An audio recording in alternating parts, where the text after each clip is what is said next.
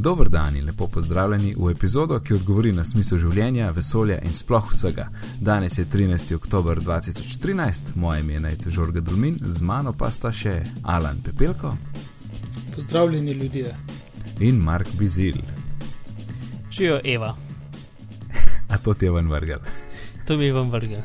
Ja, um, zaradi to, zato, da sem lahko bolj nepristranski, sem si naredil skripto, ki mi uh, vrže ven eno na ključno ime izmed 400 uh, najbolj popularnih slovenskih imen, imen slovencev, uh, torej mm -hmm. 200 moških in 200 ženskih. Mm -hmm. In ja. Jaz mislim, da bi mogel kar pogosto zadeti. Uh, kako to misliš? Je tako, da recimo ne vem, na vsak, da bi mogel reči, vsako drugo epizodo zadeti ime enega poslušalca. Ja, čeprav problem je v tem, da se dost, um, ko bi temu rekel, na, pač gre bolj na starejše, zato ker pač veliko več ljudi v Sloveniji je starejših kot mlajših, bom tako rekel. Ne? Ja, to je res. Um, in naše poslušalce verjetno v mlado smer gre. Malo. Um, to pa tudi možnosti še zmeraj, da bom kdaj rekel dvakrat isto ime, zato ker pač ne briše iz liste, potem je enkrat uporabljeno, mm -hmm. ampak samo zbere enega na ključnega. Le se mogoče oh, dve evi, ne? Ja, zihar. Ali pa tri. Ali pa šest, pač na ključnosti kdaj doskrat. Um, ja, na ključnost ni na ključno, tako kot si mi predstavljamo, ne? da je vse lepo mm -hmm. razparceliran. Ok, ko smo prišli do tega. Uh, no, in ko že govorimo na ključu, skočimo še na baterije. prav, prav. Um, Mečkim informacij, no, to se, smo že prej, že prej smo se pogovarjali, da to niso neke nove, nove novice, ampak uh, kako najbolj šfilat baterije oziroma laptop baterije, ne? predvsem je problem zaradi njih, ker uh, če ti doma laptop leži na mizi, tako kot stacionaren računalnik, pa imaš verjetno vse čas priklopljeno zadevo na štromne kar ni najbolj za baterijo.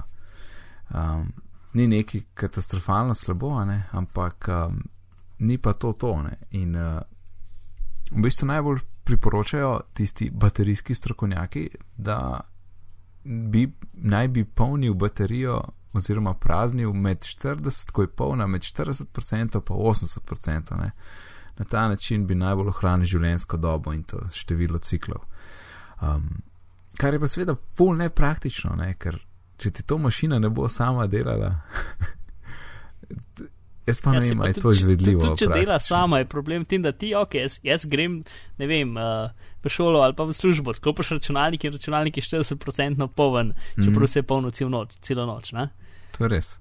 Ampak, to, je, to se mi zdi glavni razlog, zakaj tega ne delajo. Ne, ampak rečemo, na šihtu pri meni je par ljudi, ki imajo računalnike, v bistvu jih prenesejo sicer od doma in jih preklopijo in delajo 8 ur na štromu in grejo domov in pod zih še doma preklopijo. Ne? In e, če bi obstajala pač neka nastavitev, ne, da rečeš, da ta mašina je stacionarca na rokovaju, prosim, tako tretiraj baterijo. Ajš. Torej, hočeš reči, da. Um, okay. Večina ljudi, ki nima mekov, lahko to komot naredi s tem, da odstrani baterijo iz računalnika da je sploh ni noter, misliš. Ja, pač to je en način. Ja, ne? to je res, to je res. Sam to spet ni, to pa še manj praktično. To je tudi res, ampak no. No, ampak zdaj, ki si jih to omenil, ne. Um, Če pa hočeš, recimo, da odstraniš baterijo ne, in daš na polico za en mesec, pri koliko procentih bo najboljš, uh, pri koliko procentih poln, napolnjenosti bo najbolj zdržala neko, v nekem optimalnem stanju. Ne. Zihar je prazna, ne? Ne. Hmm. Povej več. Torej, uh, baterijski strokovnjaki so rekli pri 40%, okoli 40% je najbolj, če, če vem, računalnik odložiš za dalj časa, če daš baterijo ven, da jo odklopiš pri 40%. Uh, ali pa kakšno drugo napravo, ki je večja možnost, da ne boš uporabljal par mesecev. Ja, govorimo pa seveda o teh litij-ionskih baterijah. No, no, vse, ampak mislim, to je več ali manj. Ja, skoraj vse. vse, ja. Mislim, razen, ne vem, kakšne baterije, ki jih imaš v fotiču, ne so une, nikel metal hidridne. Ja, če imaš fotič iz leta 2001. E, tudi 8 ali pa 9. Uh, v digitalnem fotiču? Ja, Maja ima tazga. Ju, Ok. Ja, ampak meni je to full všeč, ker to lahko kjerkoli kupaš, pa ni važno. A Ja, aha, razumem, pač AA baterije grejo noter. Ja, Ok, si drugače obstajajo tudi litij-ionske AA baterije, so drage, ker ne vem, kako, ampak obstajajo. exactly. zakaj, zakaj misliš, da jih nimava? Sicer pa, hej, od iPhonov naprej, hej, un fotič ni bil nič v uporabi, nič, nič, nič. nič. Nabira prah. Ja, v bistvu je škatli, tako da ne nabira prahu, ampak nabira nekaj. Škatla nabira prav. ja, lepa. Ok, torej, če gremo nazaj na baterije. Ja, uh, 40 do 80. In pa še nekaj v prenašanju. Um, sonce pa to. Um, ne, sem pač uh, litij-ionske baterije so fully občutljive na toploto. Tudi. Tako da, če so, če so dolg časa na pač, temperaturi, ki je ne vem, nad 40 stopinj, lahko drastično pač zmanjšaš njihovo življenjsko dobo. Kar ni lih to, kar bi hotel. Tako da, recimo, če ga imaš, uh, če nekdo, ki se dost vozi in ga imaš na ne vem, armaturni plošči od avta ali pa kitazga, ne, se lahko kar fajn zmanjšaš življenjsko dobo baterije zaradi tega. Si tudi doskrat se iPhone, ki je pač cel črn, začne pregrevati in bolj se, bolj ti pokaže tisti znakec, moram se malo ugasniti, da se, da se ohladi. Sam ti smo miš, ful mora biti vroče. No. Ma, ni, mislim, tako 50 stopinj, no, 50-60, ampak. Mislim, jaz tega še nisem videl, prs, nikoli. Ja, pa če, če ga Ja, imaš poleti ne. na soncu, ne? ja ne, nikoli. A, To pa vedno pazim, da je v senci res. Ja, jaz sem Ja, recimo veliko vozil, uh, pa ga imel tam gor na armaturni plošči in je bil vedno vroč. Nikoli se ni prižgalo to, da, da se mora ugasniti. Mm. Ampak ker sem pač imel vklopljeno navigacijo in to je bilo skozi v polnjenju, uh, se mi je dogajalo tudi, da ne samo, da ni polno, ampak je šlo v minus. Se pravi, bil je priklopljen na pač polnjenje na baterijo od av- avtomobila Mhm. in procenti so padali. Uh, ker to sem Ja, jaz, to sem jaz, tako sliš, da- to se spomnim, to sem jaz slišal za one Android LTE telefone, ki so, da so tok žrl tiste baterije zaradi antene, da, da tudi če sem jo preklopljen, pa imel navigacijo, je ti je padal. Ni, nisi, ja. Ja. nisi šel na nuli, nisi mogel. Ja, Ja, se, sicer mislim, ni- hec je samo v tem, da uh, verjeten pač ta avtoponilc ne da polne, um, pač verjeten, da ne vem, Skoraj zihar, ja. kaj je to, po, pol ampera ali karkoli, ki je pač una minimalna Mm. um, napetost, na kateri lahko polniš iPhone, ne, ne pa Mhm. en amper ali pa celo dva. Ne? Uh, Mhm. Dva je uno, ki vštegaš na iPad, ponilc, ki lahko gledaš, ko procenti naraščajo v živo. Uh, tako da verjetno ni bilo to. Ne? Ej, ki glih v iPad polnjenju. A si že kdaj preklopil nekaj, kar ni od iPada polnilc, pa ti piše not charging? Uh, ja, No, jaz tudi, ampak it is charging. Celo na, slišal. je res. In, in to se pazi, jaz sem to preklopil na avto je itak, kot smo glih kar rekli, bolj švoh od navadnih. In isto, not charging, ampak eh, pač pol ure vožnje, pa sem dobil nekaj procentov, ne, ker je bila full panika. In, in se da, res se da, čeprav piše, da not charging. Ne. Hm. Mogoče, ne, mogoče bo to sam pač opozorilo, da to namesto tega, namesto da bi pisali ultra slow charging, ne, so rekli, lej, napiš no charging, da bo folk delo teh neumnosti, pa bojo pa jamrali, koliko eh, počas fila. Ne vem. Uh, možno, ne vem. Ja. Uh, pa še neki tlele, uh, prej si rekel, pač MacBooki ne moč baterije, kar vam data. Ne? Um, dejansko Maki probajo nekaj narediti uh, v smeri življenjske dobe baterije. Ne? In uh, ko ti na MacBooku piše, da je 100% polna, on potem varira, spušča do 95%, pa spet na fila in spušča in fila. Tako da poskušajo približen ohranjati ne? neko optimalno delovanje baterije, ampak ni pa to tisto top, uh, stop service. Ne? Ampak kot smo videli, Mhm. top service, full nepraktičen. Ne? To, za- točno tako. Ja, pa še ena stvar, lih tako. Um, to, pač lionske baterije dejansko nimajo nekega.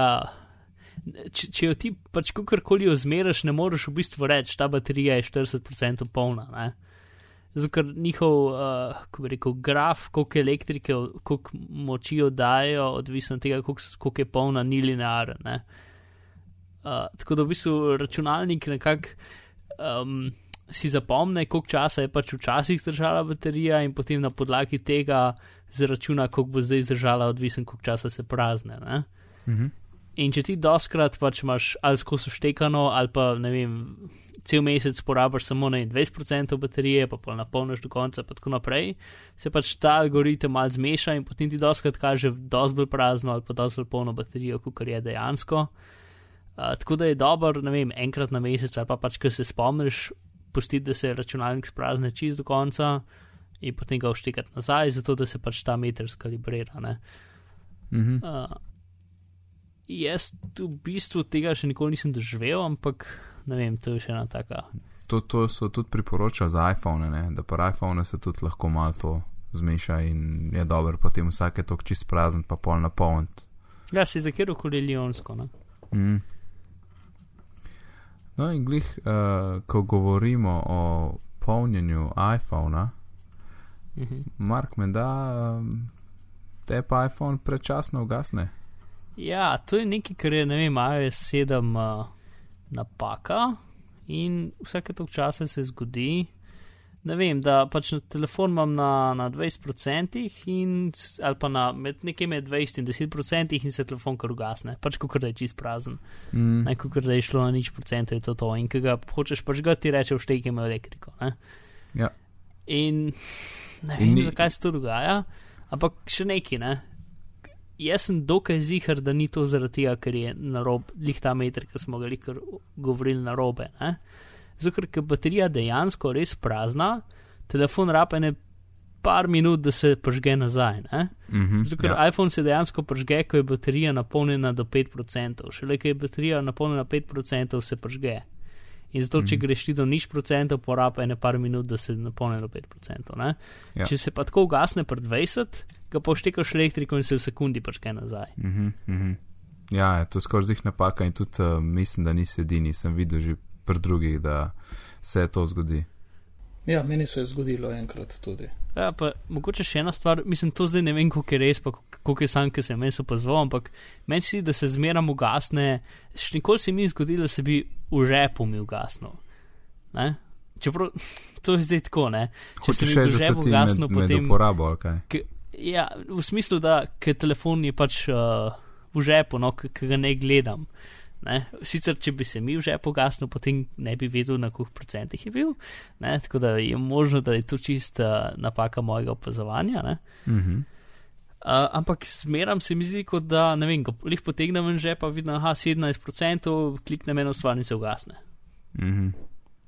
Pa spet ne zgodi se vsakič, zgodi se ne vem, dvakrat na teden. Ja. Tako da ne vem, kaj je fora.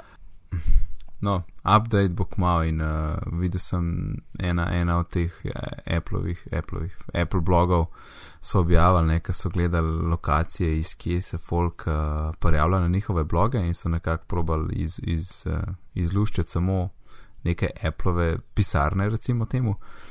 In so videli, ne, da uh, večina je že na 703 Ja, iOS. jaz se v bistvu, e, listko, Apple ima cel blok IP-ov, tako da načeloma ni ful, ni ful težko, ker vse stvari iz Apple imajo isti IP, mislim, imajo isti blok IP-ov. Ja, oni ki si tam so imeli po- svoj po- lasten blok. po nekih lokacijah so imeli se š- naštete, ne, ker so očitno že, pač imajo že v, v analitiki izbrano, kaj od Apple in Mhm. so videli, da full, tako večina je že na 703, ne, tako da pričakujem, lahko pričakujemo, da bo konec meseca to na voljo, nek malo po iPad dogodku. In ko želi, govorimo o iPad dogodku. To sem hotel reči. Ja, te, um, ja iPad dogodek, so, mislim, da uradno sploh še ni najavljeno, ne. Uh, ampak eh, all thing, mislim, da pa All Things D so zvedeli, da bo dogodek 22. oktober, to je torek, uh, kjer bojo predstavili nove iPade in zraven verjetno skoraj gotovo tudi OSX Mavericks in pa malo več bomo gotovo izvedeli o Mac Proju. Um, tako da zdaj imamo odlično priložnost, da eh, malo pošpekuliramo, kaj bo po novih iPadih. Ne, jaz Zlata mislim, barva. ne, jaz pa mislim, da to je neka ekskluziva za ta nov iPhone. Jaz pravim Ja, zlato so- barvo. Jaz Ja. bi tudi rekel, da je samo za iPhone. Mhm, tako vidiš. Alan, ti imaš prav. Um, Smejali so se mi, boste videli. ja. ne, ampak Ja. mini retina, ej, tok teh sedemminčnih Androidov ima full dobro ločljivost, v bistvu tam, pr full HD nekje. Tako da mini retina mora, dob, uh, torej iPad mini mora dobiti retina zaslon. Ne more še en let čakati. V bistvu že lani, ki je Ja. prišel, je bilo tako, ok, vemo, da je huda ločljivost, a ne. Um, po bistvu lani smo lahko še rekli, da nobena nova iOS naprava še ni prišla z retina zaslonom ven.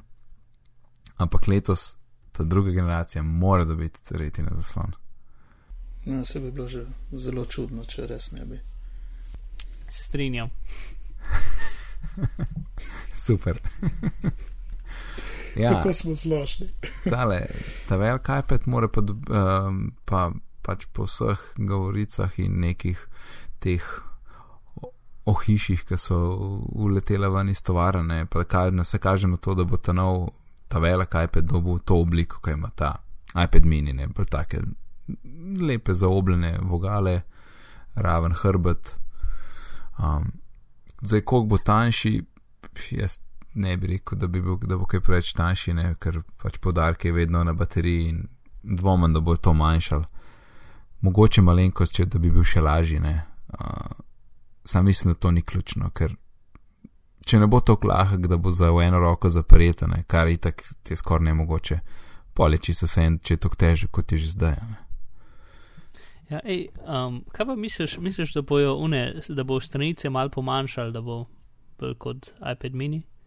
Ja, ja, se to sem rekel. V hiši, v hiši bo zdaj tako, kot bi iPad mini v hiši povečal. Mhm. Mislim, se je smiselno, ker z iPad minijem so neko tehnologijo noto gradili, ki ne bi detektirala, če ga primaš na strani. A ja, to, ja, ja, to, Tako to, to. to ne, ne bi bil več tako velik problem. Ne, ne, robo, torej ta komplet zaobljenost in robovi ob strani bojo tanki kot pri iPad mini. To, to je skoraj zihar. Hmm. Ja. Pa pa itak, pa pa ne, boljši fotič, boljši procesor, la la la, vse te izboljšave, ne, kot so. Pa vprašanje je zdaj za A7, ne, A7 bi ta velik iPad skoraj zig dobu.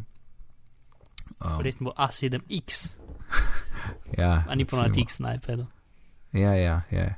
Ampak pa sem razmišljal, ne, ne pa kao iPad mini ima pa potem lanskoleten procesor, ampak mislim, da ne more imeti lanskoletnega, zato ker mora poganjati retina zaslon.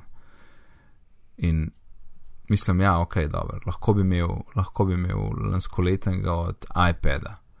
Aj bo to 6x, 5x? 6X, Ja, se mi zdi. ker v bistvu morate čisto isto stvar poganjati, samo da ima ta velik, uh, pač večji zaslon. Pik, pik je pa enako. Hmm. Ne vem. Pa, Pa, če bo enako pik. Seveda bo. Čisto Ja. enako pik. Čist, potem čist, potem čist. bo imel zaslon tako 400 dpi-jev, če bo enako pik. Ti za sabo imel 326 dpi, točno to, kot jih ima iPhone. Um, torej iPhone. Ja, čakaj, res, iPad nima 300 dpi-jev, ne, jih ima 260 nekaj tazga. Ja, tako. tako. Tako da potem, aha, potem, potem se pa lepo izide vse skupaj. Ja. Ja, s tem, da pač večji vzameš od iPada un LCD in ga razkosaš, od iPhona LCD in ga razkosaš malo drugače. Če bi le to tako delali, se mi zdi, da bi ne. Ja, gotovo ni tako simpel, kot mi tle rečemo. E, edin, spomniš nekaj, iPad 2, um, dobo retina zaslone, torej, ko je, ko, smo, ko je ven prišel novi iPad, je, Mhm. je postal malo debelejši zaradi retine zaslone. M- Me zanima, če bo to uspelo hraniti pri miniju. Ne? Se mi zdi, mislim, postal malo debelejši, ker se večja baterija noter. Če se prav spomnim. Ja, sej to je bilo, se ti pravim, me zanima, kaj bo zdaj z minijem. Mm. A bo isto debelejši za unih pol milimetra in bo cel svet spet v luft skočil in, in teža, ne, mislim, mini, mini je da best za eni roki držati, res zakon, to, Ja. te velikega ne moreš. Ne, se mi zdi, da so zdaj že dosti dost tehnologije naprej prišli. Mislim, jaz tukaj najbolj gledam, kaj že Nexus 7 inch to nov, ne? Mhm. Tist ima super zaslon, pač se mi zdi, da je isti kot je v iPadu, pač isto je, isto je super barven, super svetlo, super vse, ne? Mhm. Uh, IPS in tako da jaz sem zihar, da bo točno tak isti zaslon dal v iPad mini. Se strinjam. Pa tudi, če pogledaš, ne, kaj se mi je zgodilo z iPadom 2 iz prehod, prehod na 3, ne, glih ta debelina, bi pomislil, da ko so delali iPad mini ne, in so, so imeli v mislih, kaj se bo zgodilo, ko bo retina. Ja, vse to so dokaj zreli zdaj um, produkti, ne, tako da nimaš li full velik za dodati. Mhm. Ja, v bistvu zdaj največja stvar je, mislim, baterija je itek še da best, ne, zdaj v bistvu teža, ne. Teža, kamerca mogoče, pa tudi ne tako Uh, ključno. Uh, um, Touch ID? Vprašaj. A, ja. A Veš, so bile, so bile neke, mislim, bral sem nekaj, a bi ta velik iPad dobil Touch ID, pa ta mal ne, ampak to, to, to nima nobenega smisla, zakaj bi sam ta velik dobil, mislim, obe, obe napravi sta kul. Cool. Mislim, oboje, obe napravi sta iPad. Ne vem, no, da bi, jih- da bi jih na ta način razlikoval, mm, dobro, da rejo, kar rečemo, unije tok dražji, ne, ampak. Ne, s tem lahko, s tem nekako rečeš, da je ta velik iPad nek pro iPad, kar ni res, ne. Če mislim, če imata oba retina zaslon, potem edina razlika je samo dejansko velikost, ne. Kar pomeni, da je čisto odvisno od človeka, kaj zdaj želi tam imeti. Mm. Uh, mislim, edina stvar je mogoče to, da pač, če hočeš Touch ID, potem rabaš ta najnovejši procesor. Ne? Kar pa pomeni ceno, ne. Ja. Ja, ampak dobro, se iPad mini ni lih pocen, ne? mislim, se mi zdi, da lahko komod dajo to noter v ceno. Mm. Ej, kaj pa, zdaj pa, kaj pa zdaj, ko bo, kaj čez, čez 14 dni, ko bo ta, ta star iPad mini, rato pač star iPad mini. A si predstavljaš, da pade cena na 249 dolarjev, recimo?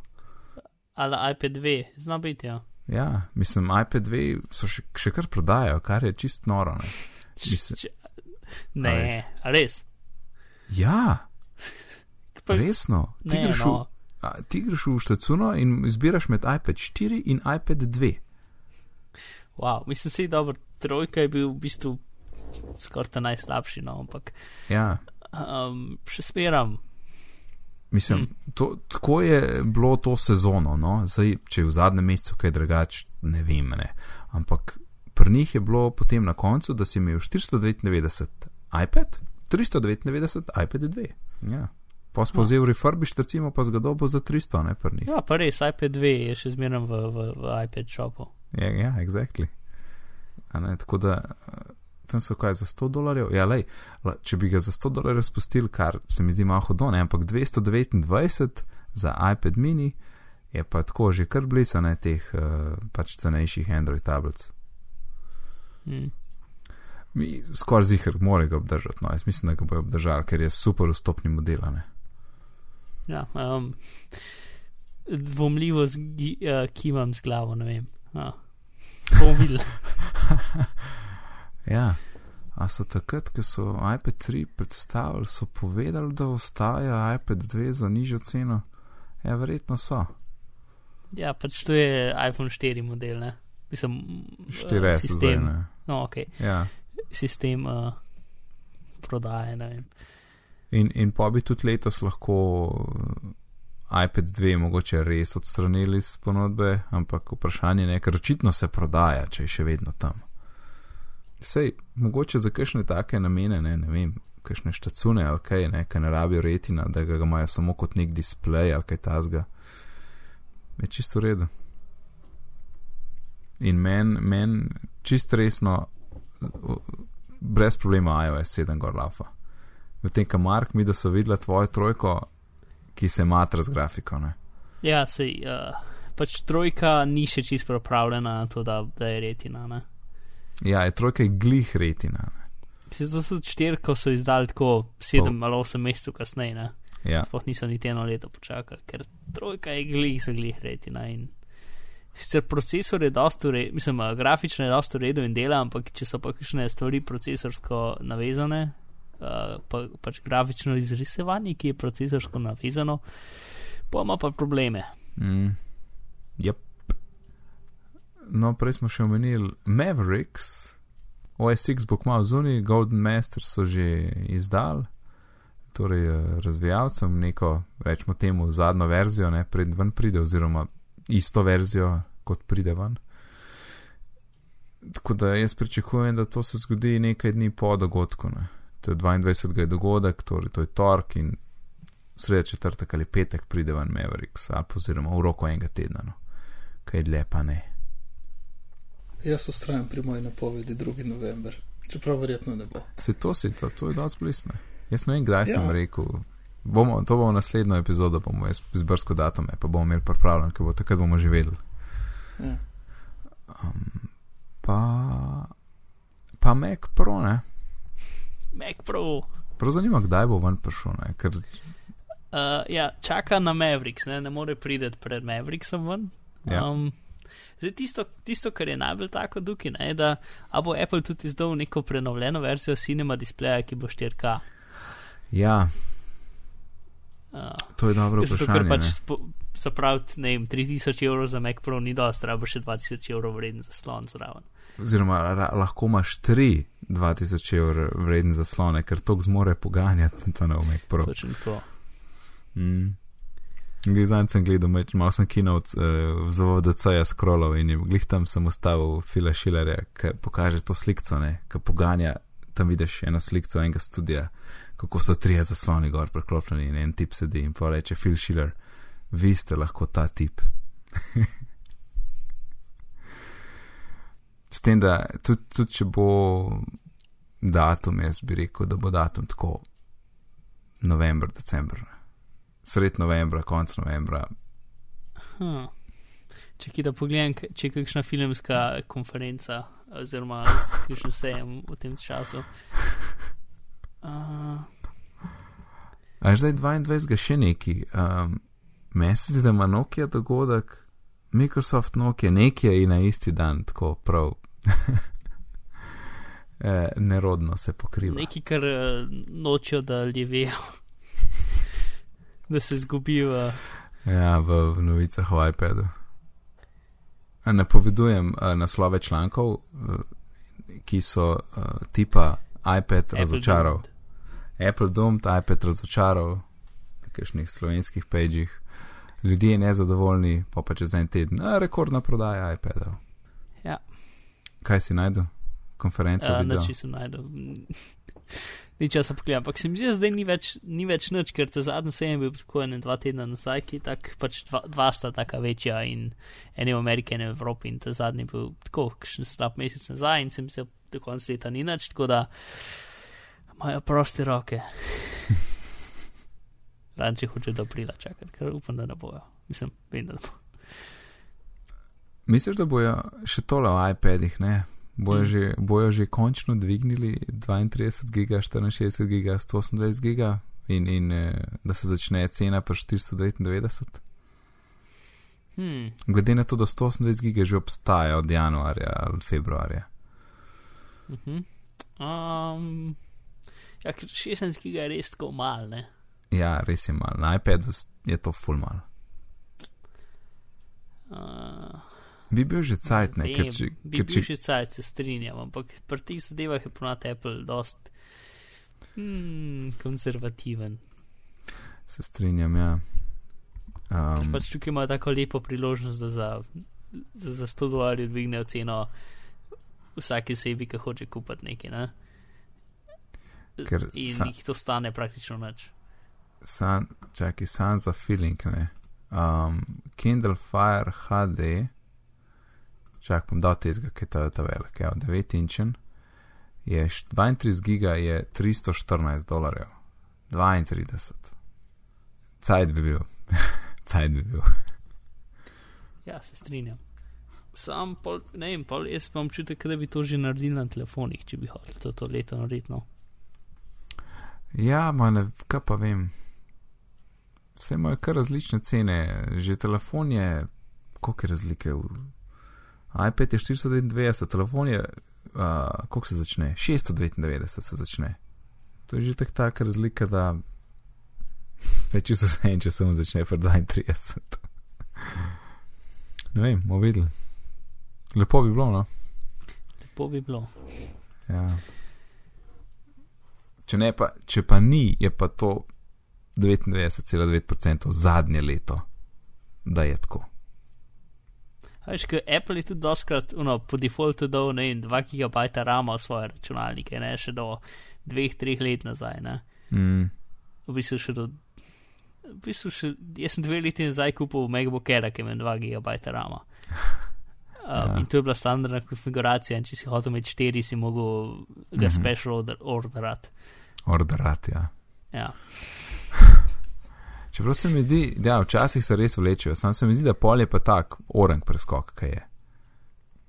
To je to, vse, vse kar smo na robe povedali, bomo vedeli 22. oktober. Uh, zdaj pa, Mark, ti imaš nekaj zanimivega za nas. Ok. Torej, um, kako bi to zdaj naredil najprej? Uvod. Je en tip, ki ima en podcast, če žuzga, pa je, ne vem, varnostni raziskovalec, recimo, um, pač tip, ki se dosta ukvarja z varnostjo in zadevami. Ja, ime mu je Steve Gibson, ima super podcast, ki se imenuje Security Now. Uh, sicer, ko bi rekel, jaz dost moje inspiracije za varnostne novice na te oddaji dobim iz tam, tako da če, če boste vno poslušali, se bo polki ponavljal, verjetno. Ampak je še, mislim, on ima tudi super arhiv zadev, ki gre, ne vem, uh, eno ima serijo, kako delujejo procesori, vse od silicija naprej in čez zgodovino in vse. Pač tako dost epizod tistega podcasta je tudi takih, ki so vredni za poslušati, pač zmeram, ne. Uh, v glavnem, tip si je zmislil nov način uh, prijavljanja v spletne strani. Torej, pač zdaj imamo izr, mislim, uporabniško ime in geslo. Ne? Ja, drži. Ja, ok. Uh, strinjate. No, in um, on si izmislil pač ta način, ki je full preprost, vsaj v osnovi, ne, in je dost, dost, dost, dost, dost bolj varen kot, varnost, kot uh, uporabniško ime in geslo. Torej, kar narediš, a, imenuje se Squirrel. Uh, SQRL kot uh, Secure QR Code Login. Aha, Um, okay. In uporablja QR kode. QR kode, Mark, noben ne mara QR kod. Se strinjam, ampak kaj ne naredim? So pač od vseh uh, grafičnih načinov, da lahko optično preneseš neke podatke, so QR kode najbolj robusten in dober sistem. Uh, plus firma, ki jih je patentirala, je obljubila, da ne bo nobenega tožila. Vsaj rekli so. Um, Mhm. v glavnem, tako da QR kode. Ne? Pa tudi večina ljudi ve, kaj so, pa zdaj imajo že skoraj vsi telefoni, pač, ali pa lahko vsaj downloadaš. Mislim, z, v tem primeru rabiš posebno aplikacijo, ampak v glavnem, večina ljudi zdaj že nekako ve, kaj so. No? Uh, ok, torej, kako to zgleda? Jaz pridem na X stran, ne vem, uh, in telefon mi začne Dulmin.si. Dolmin, ja, ja, nič recimo, ja. nič nimam tam gor. Uh, ampak ne recimo, obstaja. da bi se, da bi se, da bi se ti hotel loginati zato, da bi napisal nov blog post. Mhm.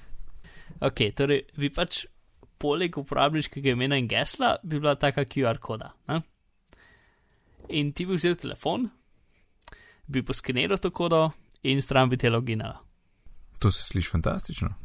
Ja, mislim, to, to je pač no, čisto osnovno. Sicer bi v realnosti bi mogel odkleniti telefon, odkleniti aplikacijo, z nekim, torej pač od zdaj naprej rabiš, mislim, s tem sistemom rabiš eno geslo. Ne? Uh, zaradi tega, ker pač. Pač naši telefoni so sicer so osebne zadeve, ampak še zmeraj jih lahko kdorkoli vzame, ne? oziroma jih lahko zgubiš ali karkoli. Mhm. Kulske stvari tukaj pri tej zadevi so spletna stran. Pač torej, ti ponovadi, ki se, ki se prijaviš na neko spletno stran, jim daš neko, recimo, neko identiteto, ki je sledljiva, ala e-mail, ne? ki jo ponovadi uporabljaš isto na vsaki spletni strani. Mhm. Uh, potem druga stvar je, da v bistvu ne uporabljaš tipkovnice za to, ne? kar je tako nek vektor, ki, pač, ki ga virusi doskrat um, uporabljajo, da pač uh, logajo, kaj pišeš. Ne? Mhm. Plus pač v tem primeru je uh, uporaba mobilnega telefona, ne? kar je doskrat potem drugačen IP, oziroma če si recimo, ne vem, uh, nekje, kjer bi lahko nekdo pač uh, uh, vohljal za tvojimi podatki. Uh, če ti to narediš prek telefona, ponovadi, če si nekje, ne vem, v kavarni na WiFi, imaš potem telefon še zmeram na mobilnem omrežju in s tem gre čist preko nekega drugega sistema, ki pač ni, ni povezan med sabo. Ne? Tako da je tukaj še en del varnosti. Ne? Potem pač nima neke tretje osebe vmes, zato ker v bistvu tukaj je zdaj tista večinska fora tega. Um, zdajšnjim sistemom uporabniškega imena in gesla ne, imamo nekaj, ki se reče simetrična enkripcija. Torej, ti veš neko skrivnost, pa spet na stran ve neko skrivnost. Ne. Sicer to imamo pol mal, mal bolj, zato ker spet na stran v bistvu ne ve točne skrivnosti, ampak jo haša. To je v bistvu um, hash je enostranska enačba. Torej, uh, ti daš svoje geslo noter in ven dobiš nek rezultat. In ta rezultat je, da um, iz tega rezultata ne moreš svojega gesla nazaj spraviti, ampak vsakeč, ko daš to geslo, zmerno dobiš isti rezultat ven. Mm. Eno od zelo popularnih je MD5. Ja, in tudi en izmed zelo slabih, uh, ker je full preveč hiter. Uh, tukaj je en del, ki sem prejšnjič govoril, da ta, ta proces mora biti relativno počasen, uh, torej ne 100 tisočkrat na sekundo ali pa milijonkrat na sekundo z kakšnimi grafičnimi karticami, ampak ne vem, 100 krat na sekundo. Ne? Ker je še zmeraj zelo hiter za uporabnika, ampak pa, če pa nekdo hoče ugibati, ne, ga pa tako zelo, zelo omejiš. Zato je ND, ND5 slab, ker ga lahko uh, z grafičnimi karticami zelo lepo paraliziraš in full giban naenkrat narediš. Ne? Ok, glavno, da smo šli malo ven iz teme. Uh, torej, Squirrel uporablja asimetrično autentikacijo. Torej, uh, nekaj, če moraš reči, uh, enkripcija z javnim ključem, ne vem, public, public key encryption. Mm -hmm. Malo razmišljam, kako bi to stvar razložil, ker je. Jo ne bom mogel po polnosti razložiti zdaj, ker je malo komplicirana, ampak v glavnem, ti imaš dva ključa, en je javen, en je privaten. In privatnega ti nikoli ne deliš. Ne? Uh, in ko podpišeš neko, neko stvar s privatnim, uh, mhm. lahko nekdo drug, ki ima tvoj javni ključ, uh, potrdi, da je bilo to res podpisano s privatnim, čeprav ga ne ve. Mhm. Ali bo to približno jasno? Ja, ja. ja. No, če gremo še enkrat, stopimo zdaj nazaj, pa pogledamo cel sistem. Um, torej, ta stvar, ti, um, ti vzameš telefon, odkleneš stvar, skeniraš QR kodo. Uh, spletna stran generira, um, ja, ti, pač ta QR koda je generirana, je URL spletne strani in ena naključna cifra. In ta naključna cifra mora, se ne sme nikoli ponoviti dvakrat. Mhm. Um, in je, to mi všeč ime, uh, nonce torej number only used once. Uh, glavno, ta cifra, to potem pač ti poskeneš po telefonu, telefon to vidi in potem vzame pač te dve stvari ne? in jih, uh, torej ti imaš na telefonu svoj glavni ključ, ki je tvoja identiteta. Ne? Ta ključ je 256 znakov na ključnega šuma. Ne? Torej, ki ti prvič delaš svoj profil, rečeš, ok, jaz hočem novo identiteto, ki jih imaš lahko, by, by the way, neskončno, tako da super. Um, in pač ti reče, pač vzame tisto na ključni generator telefona, plus uh, počkaj kamero in za 5 sekund migaš kamero, sem pa tja, uh, zato da pač posname še neke naključne podatke, ki jih pol še naredi, da, da je stvar še malo bolj naključna. Ne? In z tega naredi pač tvoj glavni ključ. Ne?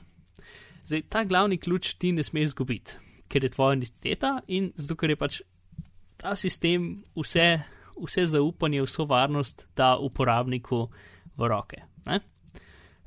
Za kar je super, ker pač ti si edini, ki lahko potrdi svojo identiteto spletni strani in, um, in je unikatna in za vsako spletno stran je drugačna, kar je tudi fajn. V glavnem, torej, on dobi URL plus neko to naključno številko uh, in potem jo, uh, jo hasha z v bistvu, nek kompliciran hash, z pač najprej uh, tvoj ključ plus plus uh, ala um, ne vem, google.com. Ne? S tem dobi pač identiteto za to spletno stran. Ne? Torej, neko naključno cifro, ki je zmeraj ista za google.com. To je zdaj tvoja identiteta. Mhm. Um, in potem še una, to je tvoj javen ključ. No? Uh, s tem pač potrdi, uh, da je za to stran, in potem ta druga stvar, ki naredi, je pač to na ključno številko. Ne? Pač isto to stvar naredi z naključno številko, in zato pač uh, potem spletna stran, ki to telefon nazaj vrne, ji, ve, da je to za tega uporabnika. Ne? Za, za tisto, ki je prikazal, tisti uporabnik je prišel nazaj. Ne? Mhm. In zato, ker ima dve te za, za stran in za pač to, ta trenuten slučaj, lahko vsakič, pač vsak slučaj poveže s tabo. Ne? Vsak različen login poveže s tem enim uporabnikom. Ampak še zmeraj vse, kar je spletna stran dobila, sta dve naključne cifre. Ne? Mhm. Ena od teh je zmeraj enaka za to spletno stran, druga se pa spremenja. Ampak ste druge lahko prvo razbereš. Um, in pač tako da to je zelo tako v redu način anonimnega loginanja. Ne? Če pač doskrat, mislim tukaj, če bi to recimo v google.com bi pač izpolnil vse svoje podatke ali pa to stvar linku z svojim obstoječim računom. Ne?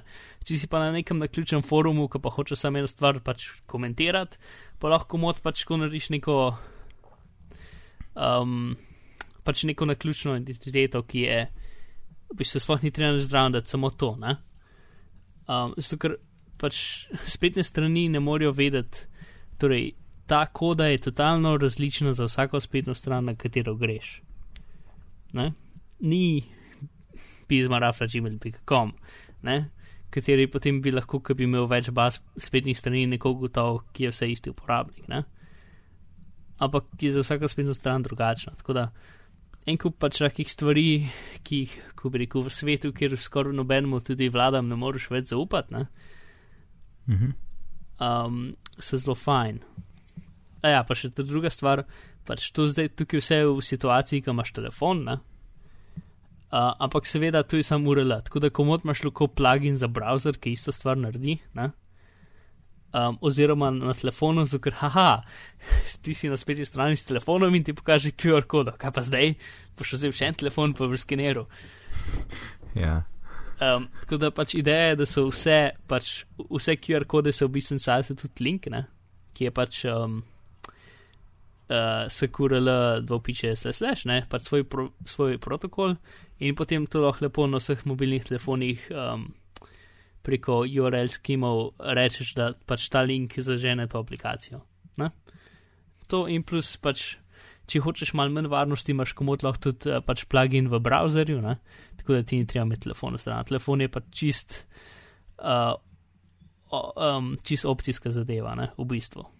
Ampak je pač en, doda en del dodatne varnosti in pač sistem je narejen zmišljen, da bo to večinoma uporabljeno na telefonih. Zato pač to je pa tudi neka že ugrajena druga autentikacija, ne? zato je nekaj, kar veš in nekaj, kar imaš v smislu, da imaš telefon s sabo. Ne? Yep. Uh, ok, zdaj pa ta druga stvar, ki je zelo pomembna, je ta tvoj glavni ključ. ne. Zato, ker pač s tem, ker imaš ti pač dobesedno vse na svojem telefonu, ne? in če ti to zgubiš, ne moreš reči, "Oh, I lost my password, have I, can I have it back, please, ne, nič. Ne? Mhm. Tako da rabaš nujno imeti to stvar spravljeno. Um, in to pač, ja, ta, ta, ta 256-bitni ključ se da tudi zelo preprosto pokazati kot QR kodo, ki se lahko sprintaš in daš v en, en, v en predal. Ne? Mhm. Uh, s tem, da pač plus, pač ta glavni ključ se potem zaklene z geslom, ki ga imaš ti itak itak za odkleniti aplikacijo ali pa tudi z drugim geslom, ne? tako da pač ne more, ker vsak, ki pride, pos- poskenira, ok, jaz sem zdaj ti. Ne? To pa, pa ta druga stvar, ki je tudi kul, cool, je, da so um, ta gesla, zato ker pač če nekdo, to je zdaj spet pač problem, ne? če nekdo dobi to tvoje glavno QR kodo, ki ima tvoje glavno geslo, ki si ga backupiral na en list papirja ali pa na en kot PDF na računalnik, v Mhm. Dropbox recimo, ne? Evo, Uh, potem, potem bi lahko nekdo ugibal to stvar. Ne? pač ugibo geslo. Uh, in pač moderni načini ugibanja gesla so v bistvu zelo hitri. Tako da, če imaš karkoli manj kot 8 naključnih znakov, je že slabo. Uh, pač to je za normalne hashing algoritme. Oni pa pač hočejo uporabljati nekaj, ki se imenuje skript, oziroma e-skript. Je način hashanja, ki rabi full velik rama. Uh, in pač edini način, mislim, ko bi rekel, ne da se ga s praktično ničemer pospešiti. Uh, Ker je pač uh, ni nek, ne vem, preprost matematični problem, ampak je neka taka dvodimenzionalna. Uh, enačba, ne vem, kako bi to drugače pisal. Pa glavno, je nekaj, kar je zelo težko za kjerkoli vrsto procesorjev za narediti. In zato se ga za zdaj še efektivno ne da pospešiti. Ne? Tako da dejansko vsako, pač, ko boš ti zaklenil svoj glavni ključ po ga sprintu, bo rabo, šir, bo rabo telefon 60 sekund, da bo to stvar eksportiral. In, in za vsako odklepanje tega bo tudi telefon rabo 60 sekund. In 60 sekund je, je več kot preveč za to, da ne more noben mm -hmm. probati 100 tavžent um, kombinacij nekega gesla, da bi gotovo, ker je ta prav, ne? ali pa milijone, mm -hmm. ker pač bi rabo do konca časa. Yep. Ali pa vesolja. Ej, sem neki, je, jaz ne vem, če sem te dobro razumel. Zdaj, če bi mi nekdo ukradel moj privat ključ. Ja. Um, kje zdaj tle pride to geslo zraven? Pač privat, torej cela aplikacija je zaščitena z nekim geslom, ki ga določiš. To je edino geslo, ki ga rabaš. Ne? Ki v perfektnem svetu ga ne bi rabo, zato ker telefon ve, da si to ti in ti pokaže, in ti lahko odpreš aplikacijo samo, če si ti. Ne? Ampak ja. seveda, mi ne živimo v perfektnem svetu, ne? tako da pač aplikacija rabi geslo. Aha, to je to, pač ključ je zaščiten s tem geslom. Ja, pač cela uporaba aplikacij zaščitena s tem geslom, pač lihtko kot LSPS ali pa One Password, ne? ki ga ti prežgeš na telefonu, moraš najprej geslo to tipkati, da ti mm -hmm. pokaže svoje gesla. Ne? Mhm, ok, v redu. Ja. Torej, pač isto rabiš eno geslo. Pač razlika, razlika med sistemom, ki ga imamo zdaj, pa tem sistemom, je to, da spletne strani dejansko nimajo nič tvojega. Kar pomeni, da ni važno, koliko baz podatkov gre, nimajo, oni sploh nimajo tvojega gesla. Ne? Oni samo ti lahko njim potrdiš, da si to ti, mhm. brez da jim daš geslo ali pa karkoli. Ja, zato ker eh? ti si z njihovo uno, unikatno kodo prebral kot ti, torej si ti. Ja, ja pač. Mm. Um, ja, ta pač inkripcija z, z, z javnim ključem. Mm -hmm. In um, to je nekaj, kar do zdaj nismo v bistvu imeli pri uh, pr loginih. Ne? Smo imeli za pač en kup stvari, ki se tudi se dosti malo uporabljajo, razen za neke redke stvari, ne?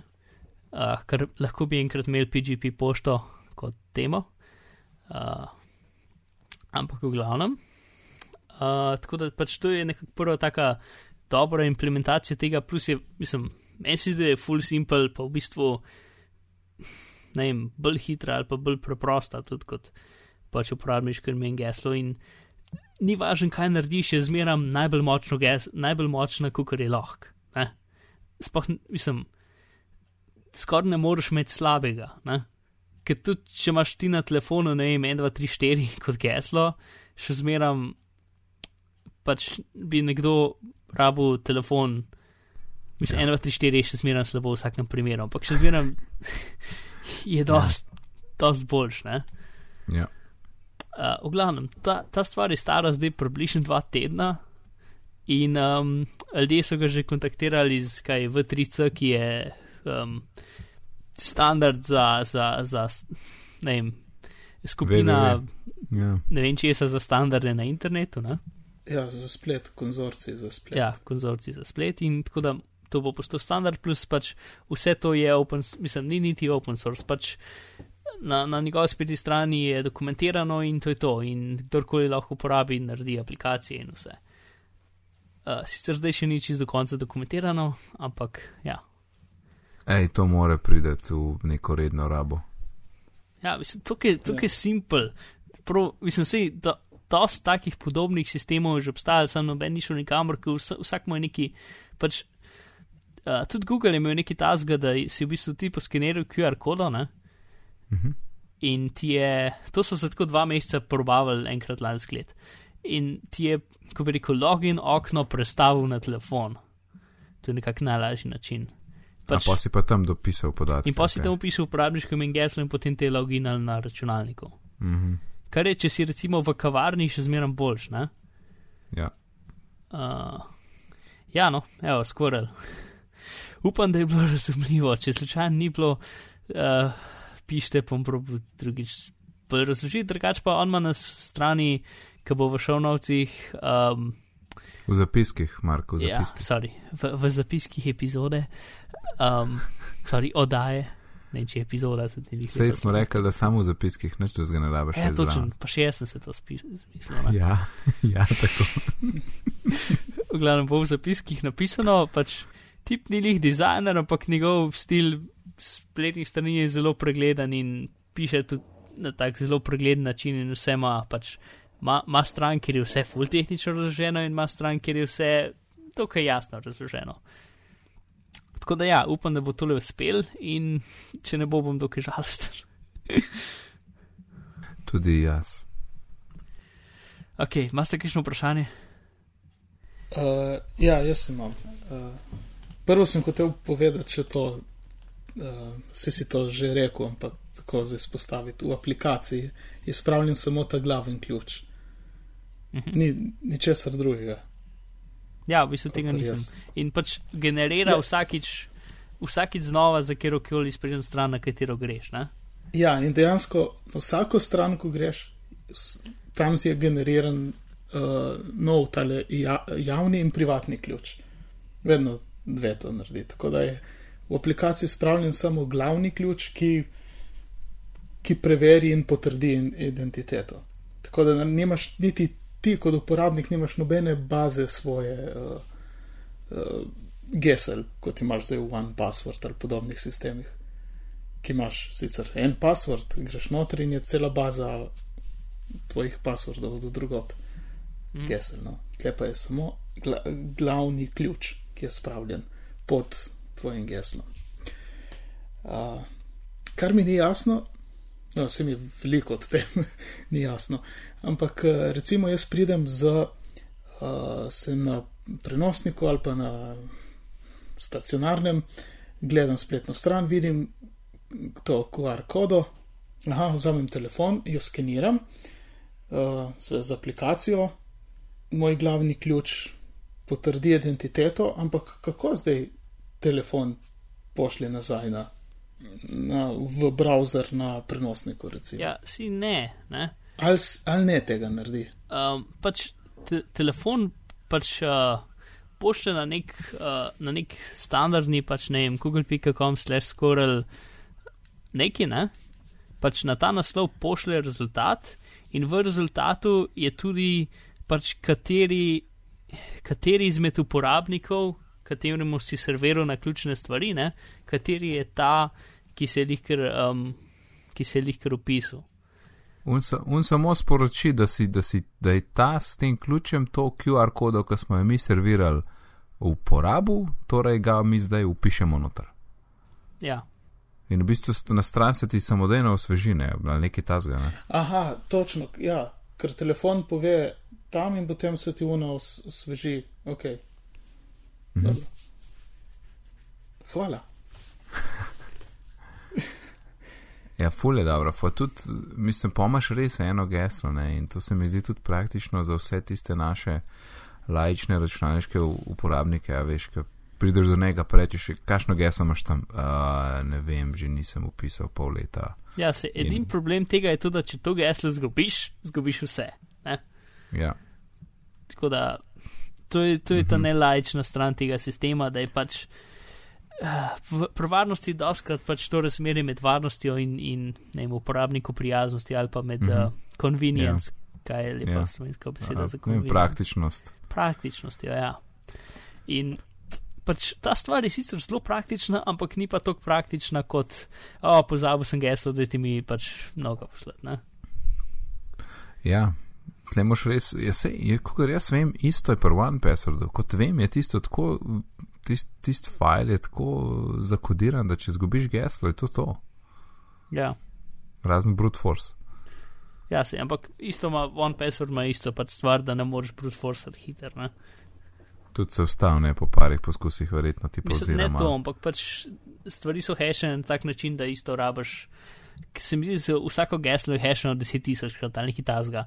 Pač lik za to, da pač, če, če nekdo dobi tvojo bazo, da jo ne more spustiti čez 10 grafičnih kartic, um, ki so pač zelo paralelni procesori, ki lahko pa ugibajo, ne vem, 60 milijonkrat na sekundo. Zato, torej, uh, rabiš moč, ne, za odklent, to hočeš reči. Ja, Ej, In na šihtu, kam imam že kar nekaj let strpec, ampak je pač še ok, ne. Ej, Mhm. kaj jaz odklenem v Chromu, v browserju, OnePassword, ej, za, za dve, tri sekunde je moj, mi browser zmrzne, dobesedno. Res. Mhm. Če ni, če ni pet sekund, celo. sem se že kar navadil, tako ok, zdaj moram počakati, nič ni odzivno. Ja. Poznam bo to. Ja, tudi meni. ja to je. Lihtko bo pač skoraj, pač za uno normalno odklepanje bo rabil sekundo, dve, ne? In za, za uno, pač jaz hočem shraniti moje glavno geslo na nek drug medij, ali pa jaz ga hočem odkleniti, bo pa rabil eno celo minuto. Uh, pač nekega intenzivnega procesiranja. Ne? Ampak to je dobra stvar. Ja, ja, ja, itak.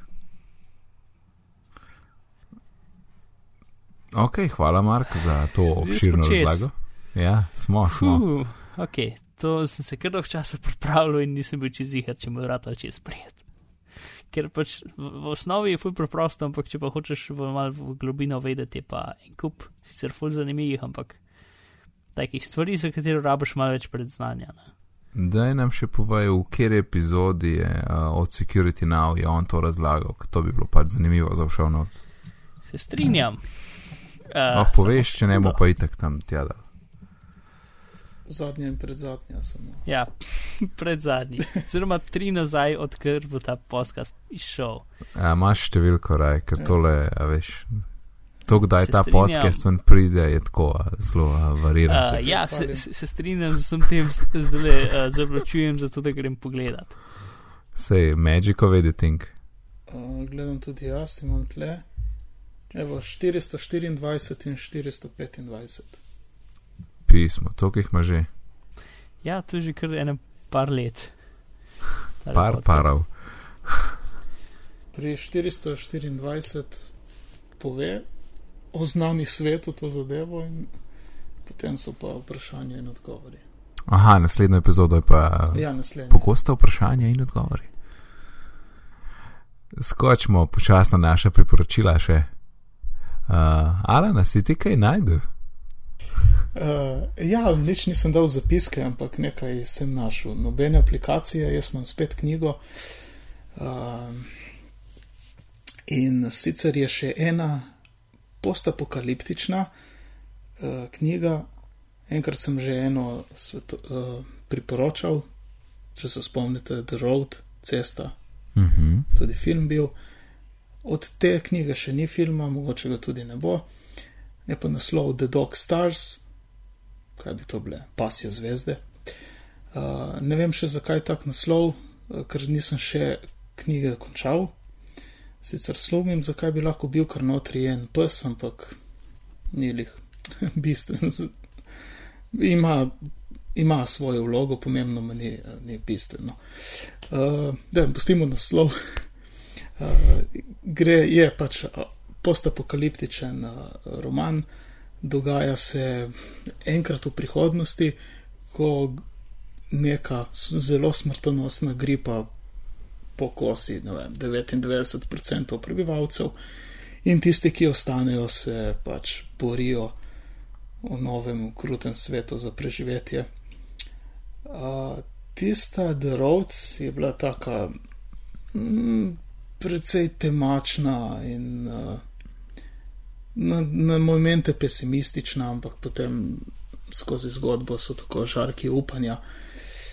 Ta je pa bolj, uh, bolj optimistična. No? Je, več eh, je prav uh, zgodba o tem glavnem junaku, ki kljub propadlemu svetu in noče zapustiti te svoje srčnosti in humanosti in biti prijazen do ljudi. In je to ta glavni njegov konflikt oziroma to, kar vleče zgodbo naprej. Glavnem, zelo v redu. Uh, zelo redu. Nisem še končal, ampak gre lepo zgodba uh, naprej. Uh, če naredim še eno primerjavo z The Road, tam je The Road, se zgodi neka katastrofa, ki nič ne povejo, kaj, ampak je vse v pepelu. Tukaj mhm. Je samo gripa, se pravi, narava obstaja. Čeprav so nekatere vrste izumrle, ne, ne vem točno zakaj, ampak še zmeraj so drevesa, še zmeraj so reke, potoki, gore. Uh, tako da vsaj narava še obstaja in so pač, to malo tako bolj živo, se skupaj deluje. Uh, in ko preberete ti dve knjigi, če boste prebrali, potem pa priporočam še tako zraven uh, 134. epizodo od The Incomparable podcasta, kjer govorijo ravno o teh dveh knjigah. Mm -hmm. A tam si pobral ven to, to drugo? Ja, to drugo sem tam. Isto cool. mesto vem. Ful se mi zdelo znano ja. po nemški. ja, best. Čeprav rod sem prej, ja, ampak da dok star se ne, hm, gremo provat. ok, to je to. Ja, The Road je zelo prijetna in prijazna knjiga za otroke. Ne? Ja. Mhm. Mark, ti si jo poslušal, gotovo. Uh, v bistvu je nisem. Ampak si sem, gledal movie, ne? Tudi to ne. Um, sem poslušal epizodo. Sem mislil, da je rodu, ker dost, mislim, sem že tri stvari poslušal, ja. tem, ne vem, načeloma nimam nekega posebne želje brati te knjige, ker imam rajš veselo in svetlo vesolje, um, oziroma prihodnost. Uh, ampak ja, kako vem, je super, ampak je izjemno depresivna knjiga. Ja, ja. ja. ja. Pa bom še počakal svoj audible nakup. Ja. Vse to, ja. v bistvu, če nisem povedal, to priporočam Audible, ja, zvočno knjigo. Mm -hmm. ali, no, vse. Če je zvočna knjiga kul, cool, je, je, je kul, cool, ampak pol veš, da je tudi navadna kul. Cool. Ja, tako. Ok, hvala. Uh, jaz imam pa en app, uh, že pred nekaj, nekaj, nekaj epizod nazaj sem omenil Strix, ki je kukar za um, navade klukat, kjer sem kjer si določil, kjer dan v tednu boš nekaj naredil, in um, potem si klukal, če si naredil ali ne. Ampak nisem tako pridno uporabljal tist, v bistvu me je motil to, da je, da je bilo tako zelo zakoličeno ne, na neke dneve, kar je pri pač mojem ritmu življenja tako zelo težko ne določiti na dneve. Enkrat sem tle, pa smo na vikendu, pa smo nekje na obiskih, ne, in potem nekih stvari pač ne moreš narediti, ker nisi doma ali pa pač nimaš potrebne opreme s sabo. In sem iskal nekaj, ki bi mi tako, ki bi me samo pominjal za neke stvari, pa bi približno neko pogostost lahko na, uredil ne, oziroma določil. No, in sem najdel nekaj zelo zanimivega, imenuje se Balanced rečemo, zbalansiran po slovensk. Uh, app še ni čez rehten za iOS 7, ampak izgled je že uh, v osnovi dost iOS 7 mast, če si izposodim izraz od Marka. Uh, in je, uh, je free app, dodaš lahko do 5 taskov, tako rečem, za stona, ne? potem, če hočeš več teh dodatih, uh, lahko odkleneš, ne vem, koliko stane, unlock, uh, evro 79 ampak trenutno jih imam pet, pa je ok, če bom rabo, bom pa odklenil. In ti poveš, če gremo eno nastavitev, daš ime te navade, daš neko ikonco, potem rečeš, tukaj imaš koliko krat na teden bi to rad poskusil narediti, ne? in ti da od 1 do 6, tako da v bistvu ti spusti en dan. Uh, lahko rečeš šestkrat na teden, enkrat na teden, uh, kako je na dan, Evo, tudi na dan, na mesec, na leto.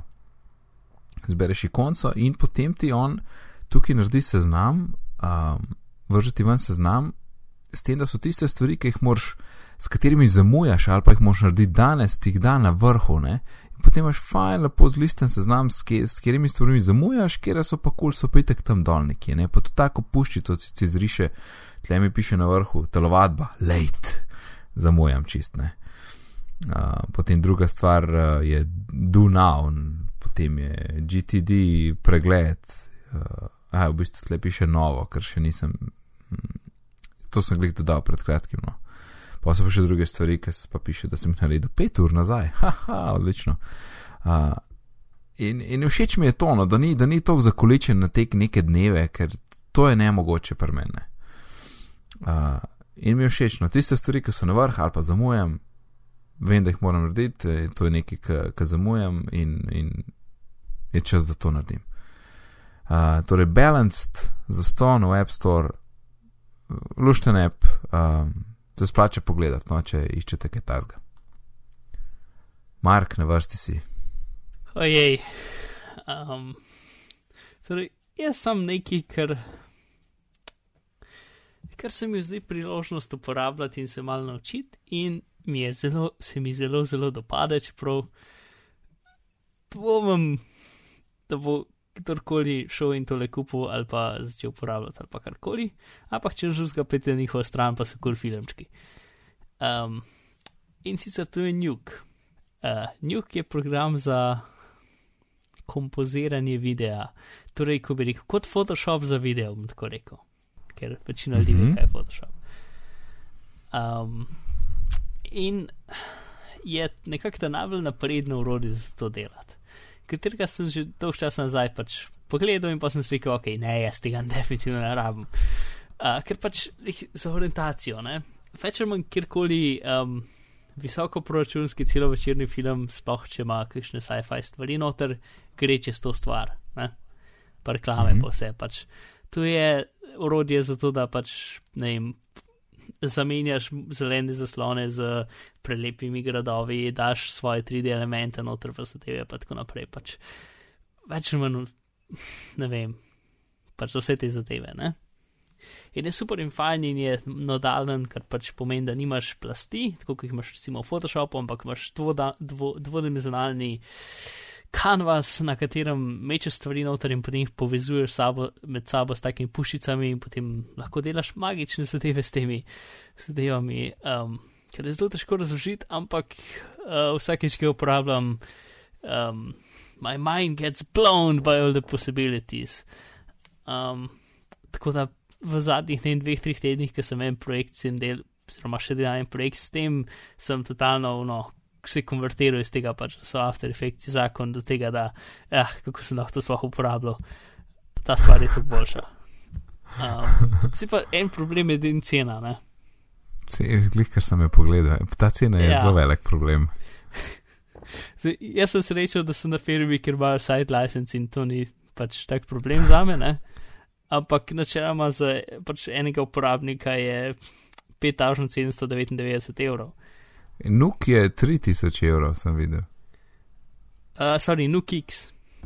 Ja, ma, Aha. so dve variante, Nuke pa NukeX. Uh, NukeX ima še možnost, da, da, da delaš trimzonalne stvari noter. Um, Torej, Pa- uh, tu hočeš reči, da je cena desetih iPadov 16 giga. a sam, Ja, Hm. sam. zanimivo. Ja, no, glavno. Kul, cool, pač čršus ga imajo lepe filmčke, ki so, ne vem, uh, klipi iz Avengerjev, pa znaj, če so vsega noter. Um, pa je fajn za gledati, tako da. Ne vem, a ja, pa je tudi 15-dnevni free trial, tako da. Um, ja, Mm -hmm. čeprav, mislim, ok, če je, če je med poslušalci kakšen, recimo, After Effects uporabnik ali pa nekdo, ki dejansko dela kaj v tem, v tem pač polju, si to dejansko splača pogledati, če pa po neka naključna oseba to stvar prla in pa ne bo nič jasen. Mislim, tudi. Jaz sem ta program ne trikrat hotel uporabljati ali pa začeti uporabljati in pač ne, pač um, learning curve je zelo, zelo, zelo špičast. Um, ampak pol po, ne vem, Oziroma ne mesecu- špičast. mm, strm, v redu. Uh, po enem mesecu neke uporabe, ki se muče stvari, pa se, se tepeš v glavo, kako, kako tega naštekaš, ki pač.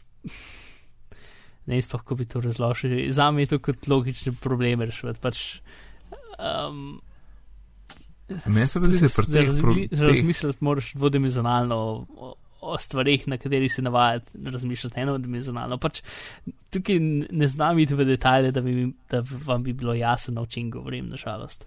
Uh, ja, vidim, da je hud tulne, tle gor, ki se vrtijo njihovi um, pač neki filmi, kjer so to uporabljali, to je vse top Hollywood. Ne? Ne, to je vse, pač vse hecen. Zdaj, to je več ali manj, pač včasih je bilo na par stvari, enega je imel celo Apple Chase, ki je imel Shake, ki je pa zelo hiter, potem ko so ga kupili, so ga tudi ukinili. Nažalost, um, Shake je bil prej standard, zdaj pa nekak nuk standard in je pač the thing. Ne?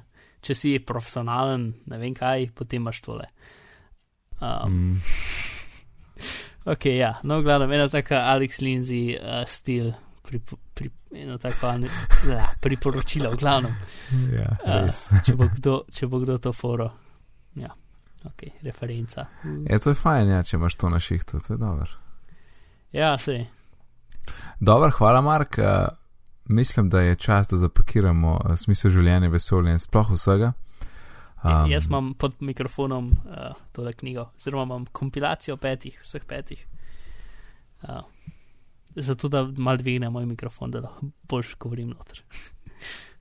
Sej smo skoraj vsi na, na istem. Bom dal slik, danes smo glih vsi slikali naš, naš setup mikrofonov pred računalniki, jih bom dal v šovnoc, ker so prodali. Ja, ne, tvoj, tvoj glas ni jih tako um, uh, mogočen kot ponavadi, ne?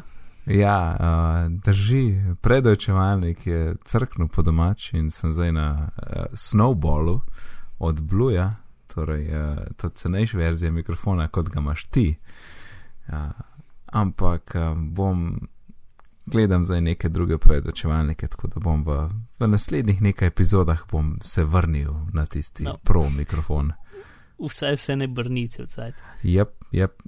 Ja, če se še, če, če, če še omenimo brnenje, prejšnja epizoda je imela pač ta brum in to je problem tistega predočevalnika. Žal je bilo to edin posnetek, ki sem ga imel in sem ga mogel vendati. Tako da žal mi je za vaše všesa, ampak uh, posneti je bilo in nisem hotel stran vršno. Ampak vse je. Um, če, videl sem, da če se če med vožnjo poslušaš, sploh ni problem, ker itek to kropota od avtomobila. Ja, poslušajte v glasnem okolju, vse bo v redu.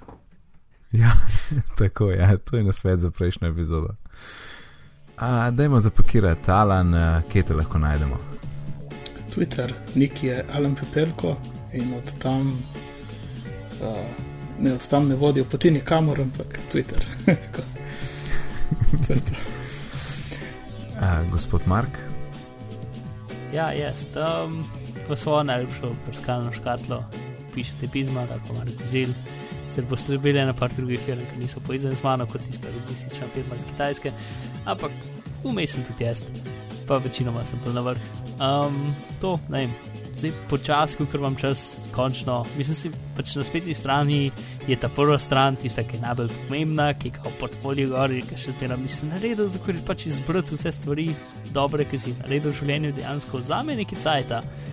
Plus ugotoviš, da nisi več dosegel v življenju in potem si žalosten, nočeš več tega delati. Um, zato to jemlje nekaj časa in ja, mogoče bo naslednjič narejeno, ampak vse druge strani na moji spletni strani, ki je bizmar.si, so pa funkcionalne. Uh, ne vem, kako so funkcionalne, zelo ne vem, kaj bi od tega dobil, ampak so tam. Tako da ja, bizmar.si. Ok. Ok, hvala. Moje ime je pa Nec, na Twitterju me najdete pod oddelkom NECD, sicer se ukvarjam z izobraževanjem, gradim e-tečaje, pišem pa tudi za jaboko.org. Vse, kar smo danes omenili, boste našli na bitni.dolmin.si, na Twitterju smo pod vzdelkom bitni pogovori, e-pošta je bitni pogovori pri gmail.com. Tako da lepo se imejte do naslednjič in lep pozdrav. Nasvidenje. Adijo.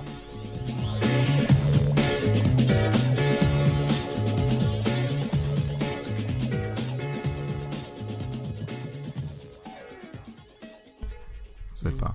Čakaj, sem še malo. Ja. Tako, da malo lažje najdu. To je bilo zelo milo ploskanje. Ja, ljudje spijo. To je res. Pri meni pa ne. Saj ne še.